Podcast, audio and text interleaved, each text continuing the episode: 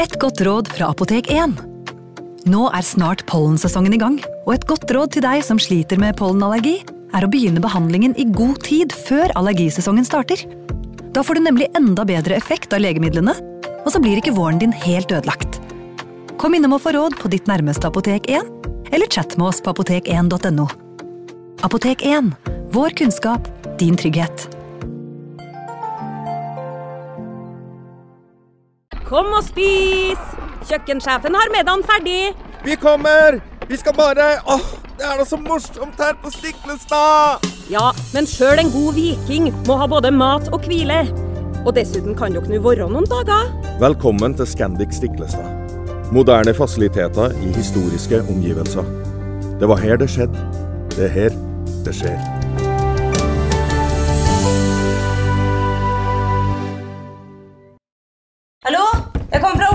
Fra Ine Jansen er purk. Er du purk? The motherfucking bitch. Alt jeg vil, er å finne ut hva som skjedde med mannen min. Jon Carew. Er jeg sikta for noe? Iben Akeli. Det er du. Ole So, Lars Berrum og Big Daddy Karsten. Hvem sin side er du på, egentlig? Anette Hoff, Tone Danielsen, Kommer du fra Afrika? Jørnis Josef, Nesten kløfta. Trond Espen Seim, Det er synd å si det, men det var feil mann som døde. Purk. Premiere tirsdag på TV2 Play. Advarsel. Historien du nå skal få høre, er basert på virkelige hendelser og inneholder flere grafiske skildringer av vold, drap og tortur. Vi advarer mot sterke inntrykk i deler av episoden.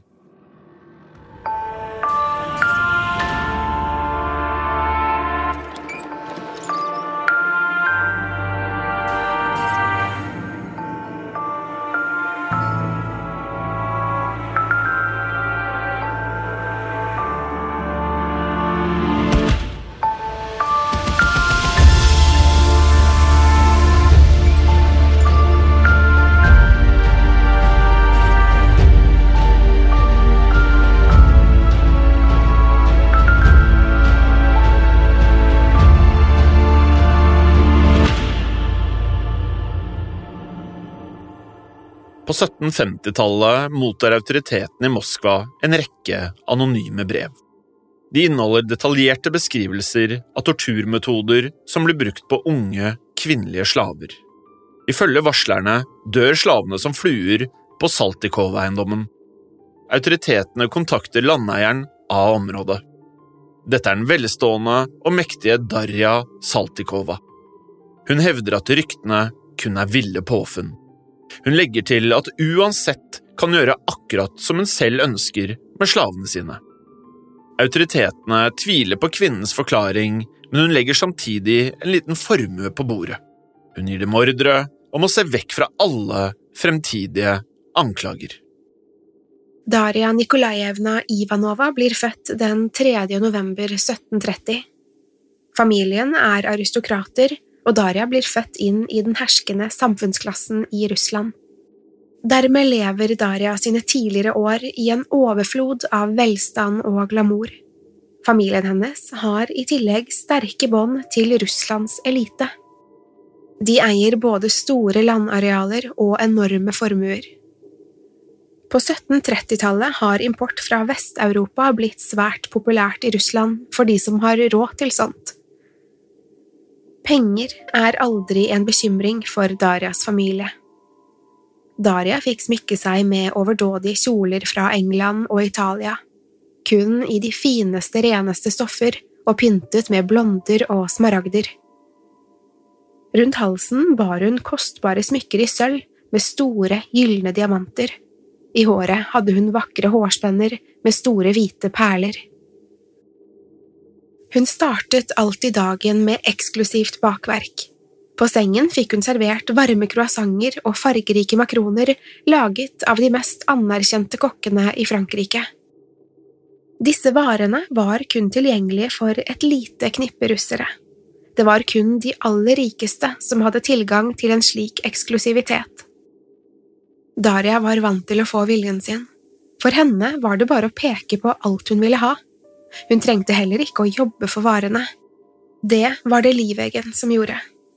Livegen var russiske slaver som var bundet til et område hvor de bodde og arbeidet. Disse menneskene ble ansett som en del av eiendommen til grunneieren. Det betydde at grunneieren kunne tvinge dem til å gjøre hva enn de ønsket. På landområdene jobbet livegen lange, harde dager uten å motta betaling. Livegen hadde nesten ingen rettigheter og ble brukt til alt fra renhold av huset til pløying av jorda. Det var i praksis lite som skilte livegen fra tradisjonelle slaver. Til tross for at de tilhørte spesifikke landområder eller gods, ble de nemlig ofte byttet vekk eller solgt. Det antas at 20 millioner mennesker var livegen i Russland frem til dette systemet ble bannlyst i 1861. Familien til Daria har flere hundre livegen boende på eiendommen. De lever på jorden til familien og jobber for dem. Varene de produserer, selger Darias far til sin egen profitt.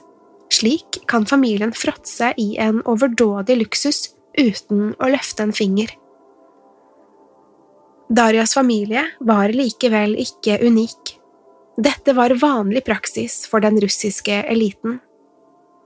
Daria viste ingen tegn til utagerende atferd og gjorde lite ut av seg i løpet av oppveksten. Det er dermed lett å anta at hun var en rolig og pliktoppfyllende ung jente. Antageligvis behandlet hun livegen med respekt, hun kom jo tross alt fra en dannet og høytstående familie. Hva som lå skjult bak det høflige smilet, skulle ikke komme til overflaten før mange år senere. Som 20-åring gifter Darja seg. Hun vies til den keiserlige offiseren Gleb Saltikova. Det var fremdeles vanlig med arrangerte ekteskap på denne tiden. Unge kvinner ble giftet vekk til personer innen samme sosiale gruppe. Det ble heller ikke gjort noe unntak for Darja. Når hun gifter seg med Gleb, blir hun en del av den russiske adelen. Nå holder den unge jenta en enorm makt i hendene sine. Gjennom sin nye status får hun også direkte tilgang til det kongelige hoffet. Glebs familie har tett kontakt med de kongelige. Nevøen hans underviser barna til Katarina den store, som er keiserinne i Russland. Det går også rykter om at Glebs bror er Katarinas elsker og den sanne far til hennes sønn. Hvorvidt ryktene er sanne, vites ikke. Det som er sikkert, er at Darja nå står svært nær den kongelige kjernen. Makten dette medfører, skal hun komme til å misbruke på det aller groveste. I løpet av to år føder Daria to sønner. Ekteskapet lar hennes barn vokse opp i en enda større overflod av rikdom enn hun selv hadde gjort. Daria virker ikke spesielt begeistret over morsrollen. Hun er ikke interessert i å ta del i oppdragelsen til sønnene, og hun tilbringer lite tid med dem. Så snart de to sønnene er gamle nok, sender hun dem av gårde til en internatskole. Som i ungdommen er Daria fremdeles en rolig kvinne. Hun går ofte ikledd store, fine kjoler og dyre smykker. Kjolen er ofte blå, som øynene hennes. Det er ingenting ved atferden hennes som virker annerledes. I tillegg er Daria andektig religiøs, og hun dedikerer seg selv til kristendommen. Ofte gir hun store pengesummer til kirker og klostre rundt omkring i Russland. På grunn av dette oppfattes hun som en gavmild og barmhjertig kvinne.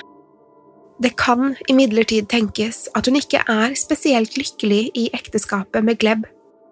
Selv om hun fremdeles bader i rikdom, har det ikke ført til en sprudlende livsglede. Hun ler sjelden, og det er mye som skal til for at hun skal trekke på smilebåndet. Daria ble nemlig beskrevet som en dyster kvinne. Hun framsto sliten og utmattet. Selv i de vakre, fargesprakede kjolene var hun mutt. Kanskje bar hun på noe. En sorg, en misnøye, et hat.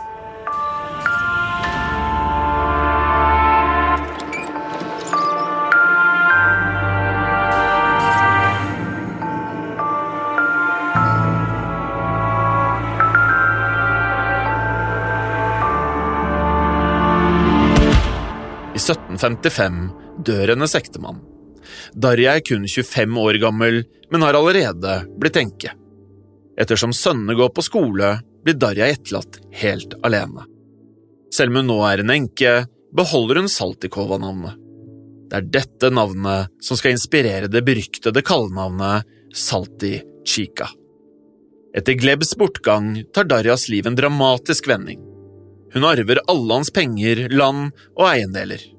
Hun blir dermed den rikeste enken i hele Russland. Hun arver blant annet en storslått eiendom nær Moskva. Dit flytter hun for seg selv og bor på området sammen med de 600 slavene som jobber der. Det er her Darja til slutt skal begå sine verste handlinger. Hva som trigger henne, er usikkert. Noen mente at det skyldtes det plutselige tapet av ektemannen. Ifølge ryktene kom imidlertid denne grufulle forandringen av et mye verre svik. Historien sier at Darja følte seg ensom på den store eiendommen. Hver dag våknet hun helt alene, omringet av slavene som jobbet for henne. Hun hadde lite kontakt med mennesker fra sin egne sosiale klasse, og for hver dag som gikk, vokste tomrommet i henne. En ren tilfeldighet får dette til å forandre seg. En dag kommer det en landmåler på besøk. Han skal finne størrelsen på eiendommen som Darja nå eier, og gi henne en verdivurdering. Landmåleren heter Nikolai. Han er ung, han er kjekk, og Darja forelsker seg umiddelbart. Sammen med Nikolai føler ikke Darja seg like ensom. Nedstemtheten fordufter, hun ser plutselig lyst på livet og får en ny glød over seg. Darja blir helt fortapt i sin nye forelskelse. Tiden med Nikolai gir Darja håp for fremtiden. Hun elsker ham av hele sitt hjerte og drømmer om at de skal være sammen for alltid. Sorgen blir hjerteskjærende for Darja når det viser seg at Nikolai ikke elsker henne. Drømmen knuses rett foran øynene hennes. Nikolai har nemlig innledet et forhold til en annen kvinne, og brått blir hun forlatt av Nikolai. Kvinnen Nikolai blir sammen med, er betraktelig yngre og vakrere. Det får Daria til å gremmes. Hun føler seg med ett gammel og stygg. Den nye, unge kvinnen har rødt, langt hår og er slående vakker. Den lyse huden, fregnene over nesen og håret som ligger i store bølger nedover ryggen, overskygger Daria. I all hemmelighet gifter Nikolai seg med den unge kvinnen. Daria blir rasende når hun finner ut av det. I en tåke av ergelse beordrer hun liveggene på eiendommen til å brenne Nikolais hus til grunne. I tillegg sender hun to leiemordere for å drepe Nikolai og hans nye kone. Nikolai og hans brud hører rykter om planene og rekker akkurat å flykte fra Moskva. Andre rykter sier at Nikolai ikke holdt ut med Darias ustyrlige temperament. Derfor sluttet han å besøke henne på den enorme eiendommen hennes. Uavhengig av hva som stemmer, er det etter bruddet med Nikolai hun blir besatt av et ustyrlig sinne. En sannhet ligger nok i historien om den rødhårede unge kvinnen.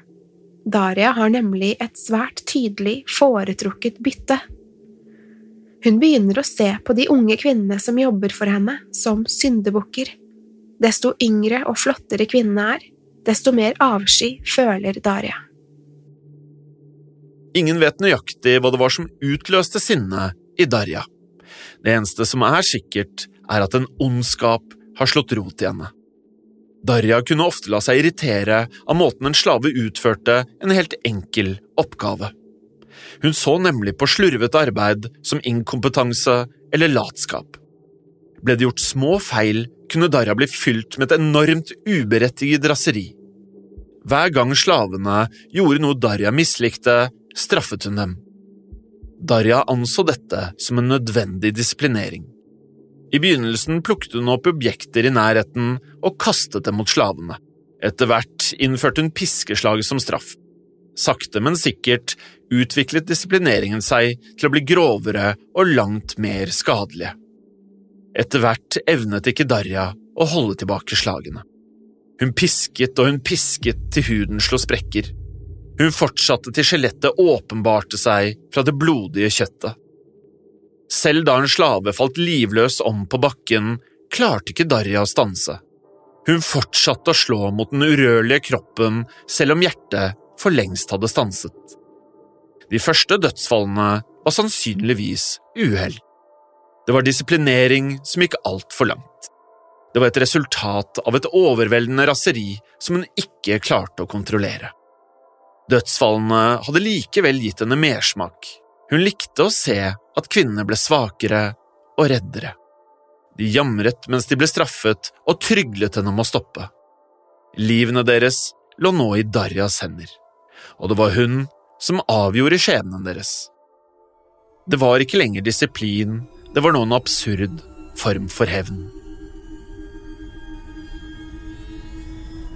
Daria slår til bena i kroppene gir etter og brekker tvert av. Hun ser bloddannelser spre seg under huden deres. Hun hører klinkene deres etter hjelp. Hun gir seg likevel ikke. Hun skader, torturerer og dreper uten et spor av empati. Er en kvinne gravid, tvinger Daria henne ned på bakken. Mens den gravide damen ligger på rygg, tramper Daria over magen hennes. Med sin egen kroppsvekt forsikrer hun seg om at fosteret dør. Daria fortsetter å trå til blod siler ut fra underlivet til kvinnen. Hun gir seg ikke før hun er sikker på at offeret har spontanabortert. Daria studerer kvinnen, sorgen over det døde barnet, tårene som siler ut av øynene, hikstingen som ikke tar slutt. Deretter dreper hun den sønderknuste kvinnen. Andre kvinner blir strippet nakne før Daria sender dem på dør. De nakne damene står barføtt i den dype snøen. Huden blir rød, deretter blå, og til slutt blir den helt hvit. Kvinnene holder armene rundt seg selv, dekker til kjønnet, brystene. De skjelver og hakker tenner i den russiske vinterkulden. Hvis de prøver å komme seg inn i huset igjen, låser Daria døren. Hun kan sitte inne i varmen og se på dem gjennom vinduet. Hun venter på at de skal falle om i den hvite snøen og fryse i hjel. Daria liker å se at livet sakte siger ut av øynene på ofrene sine. En etter en blir slavene torturert så grusomt at kroppene slutter å fungere og hjertet slutter å slå. Når den ene dør, går Darja ut på eiendommen og finner en ny person hun kan torturere. Og slavene kan heller ikke rømme derfra. De er knyttet til eiendommen og har ingen plass å flykte. Darja har all makt over hundrevis av potensielle ofre. Med tiden går torturen vekk fra ren hevngjerrighet. Det blir et mønster, en lyst, en illing i fingrene. Darja har gått fra å være såret og sint til å finne nytelse i torturen. Hun blir stadig mer sadistisk, og metoden hun bruker, blir drøyere for hver eneste person hun tar livet av. Darja begynner å bruke varme jernstenger til å brenne av ørene til ofrene sine. Andre ganger heller hun kokende vann over de unge kvinnene. Huden deres begynner å boble, og snart begynner den å flerre opp. Kvinnene vrir seg under det kokende vannet og skriker av smerte. Lyden av disse hjerteskjærende ropene er som vakker musikk for Darja. I løpet av de neste ti år dreper Darja over 100 mennesker. Hun har nå blitt transformert til Saltichika, en hensynsløs seriemorder. Hun får herje fritt uten at noen kan stå i veien for henne. Torturen er ikke bare ment for kvinnene hun skader. Daria driver også med psykisk tortur av menn som jobber på eiendommen. Tre av dem drepte hun ved uhell. Primært var det ikke dem hun ønsket å skade fysisk. I stedet tvang hun dem til å se på mens hun utførte de groteske torturmetodene på kvinnene de elsket. En mann ble anklaget for å være respektløs overfor Daria. For å hevne seg bestemte hun seg for å drepe konen hans. Mens hun torturerte og lemlestet konen, tvang hun mannen til å bevitne det hele. Etter noen år giftet denne mannen seg på nytt. Daria ble dermed fylt med et voldsomt sinne hun ønsket ikke at mannen skulle finne ny lykke i livet. Derfor drepte hun også hans andre kone på enda mer avskyelig vis enn den første. Også etter dette tapet giftet mannen seg igjen. Men heller ikke denne konen unner Daria ham. Hvis hun ikke selv kan ha kjærlighet i livet sitt, skal heller ingen andre få det. Darias plan er tydelig. Hun ønsker å få mannen til å føle seg så verdiløs og ulykkelig som mulig. Mannen mister tre koner til Darias grusomme handlinger. Muligens er det denne formen for psykisk tortur som gjør at Livegen unngår myndighetene. Å gjøre oppstyr mot Daria går bare utover dem selv og kvinnene de elsker. Hvordan kan de gjøre motstand mot en kvinne med så mye makt? En som ikke engang hever et øyenbryn mens hun lemlester andre kvinner. Sakte, men sikkert begynner myndighetene i Moskva å motta anonyme klager. Drapene som ble begått på Saltikov-eiendommen, har endelig blitt lagt merke til. Darja Saltikova har beholdt den høye statusen fra ektemannen, og hun visste hvordan hun skulle bruke nettverket sitt til å manipulere mennesker. Og hun fikk dem til å ignorere alle anklagene. Gjennom penger og makt forhøyet hun seg selv til en urørlig skikkelse. Gjennom bestikkelser og korrupsjon fikk hun alle problemene sine til å forsvinne. For Saltichika fantes det ikke lover og regler. For henne fantes det kun makt. Bekymringene som ble sendt til myndighetene, ble derfor ignorert gjentatte ganger. I andre tilfeller var det personen som kom med anklagen, som ble straffet. På grunn av slavenes lave status ble de systematisk oversett i Russland. Dessuten var det uhørt å komme med slike forferdelige påstander om en kvinne som Darja. Hun kunne bare betale for at myndighetene skulle la henne være i fred. Bekymringsmeldingene falt dermed for døve ører, og Salterchika fikk fortsette som før. Slektningene til de døde kvinnene ble mer og mer fra seg. Motløsheten preget dem sterkt. Ikke bare har de mistet sine døtre, søstre og koner, de opplevde i tillegg å ikke bli hørt. Omsider innså liveggene at de lokale myndighetene ikke kom til å gjøre noe med saken, Daria har rett og slett for mye makt. Som fattige slaver har de ingenting å stille opp med. Det eneste de kan gjøre, er å fortsette å jobbe for Daria. Hun kan fortsette å drepe de unge kvinnene blant dem. Å miste så mange de står nær, er imidlertid uutholdelig. Frykten for Daria øker, men til slutt ser de ingen annen utvei. Som et siste, desperat rop etter hjelp må de gjøre noe drastisk. De må prøve å bli hørt av mennesker med enda høyere status enn Daria. I 1762 klarer to av liveggene å flykte. Den ene er mannen som har mistet tre koner. Han har ingen igjen å miste. Her klarer de å få oppmerksomhet rettet mot Saltikova-eiendommen. Daria har i løpet av de siste åtte årene torturert og myrdet over 100 mennesker. På grunn av oppmerksomheten mot Daria får de to rømlingene skaffet et møte med Katarina den store. Til henne overrekker de en begjæring. I den ber de på sine knær om at keiserinnen skal redde menneskene som jobber på Saltikova-eiendommen. De beskriver i detalj tortureringen og drapene som Saltisjika har bedrevet. I tillegg ønsker de å gi rettferdighet til de mange som allerede har mistet livet. De ber keiserinnen om at Daria skal straffes for handlingene sine. Begjæringen innehar så mye informasjon om Darias ugjerninger at Katarina den store godtar anmodningen. Denne gangen klarer ikke Daria å dra i trådene hun trenger. Ingen har mer makt enn Katarina den store. Avgjørelsen er endelig. Daria skal stilles for retten.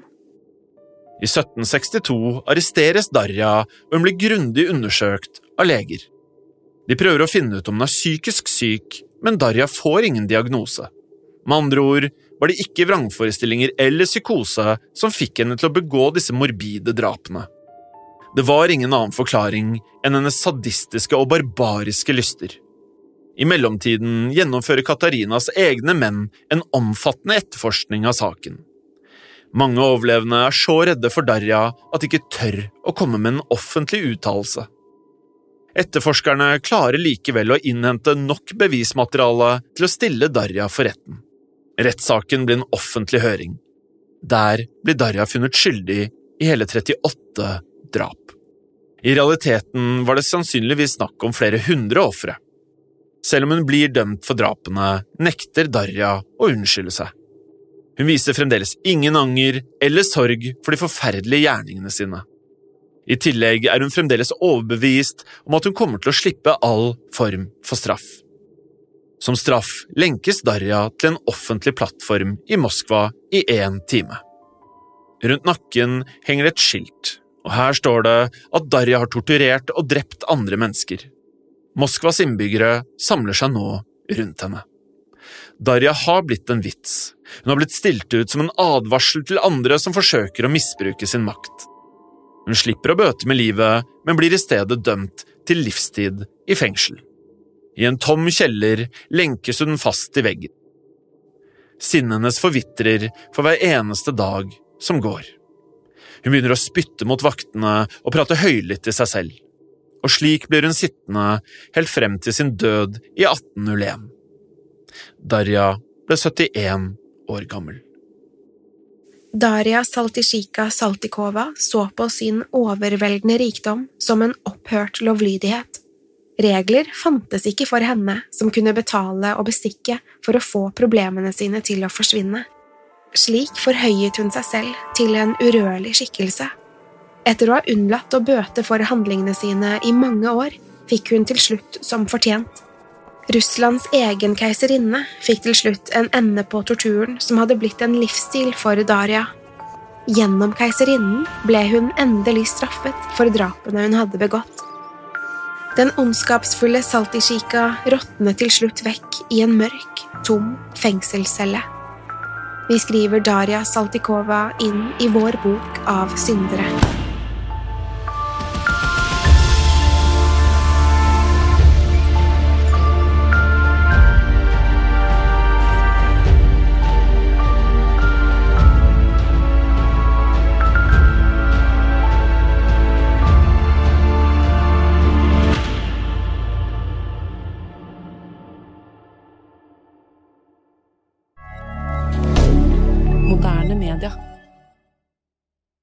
Har du et enkeltpersonforetak eller en liten bedrift? Da er du sikkert lei av å høre meg snakke om hvor enkelt det er med kvitteringer og bilag i fiken, så vi eh, gir oss her, vi. Fordi vi liker enkelt. Fiken superenkelt regnskap. Kiwi er billigst i VGs matbørs og har vært billigst i fire av de fem siste VGs matbørser. Og nå presser vi prisene på frukt og grønnsaker. På 200 gram broccolini setter vi prisen til 24,90. På 400 gram Cevita blåbær setter vi prisen til 49,90. Og husk, alle Kiwi Pluss-kunder får i tillegg 15% trumfbonus på all fersk frukt og grønt. For det er vi som er prispresserne. Og vi i Kiwi gir oss aldri på pris.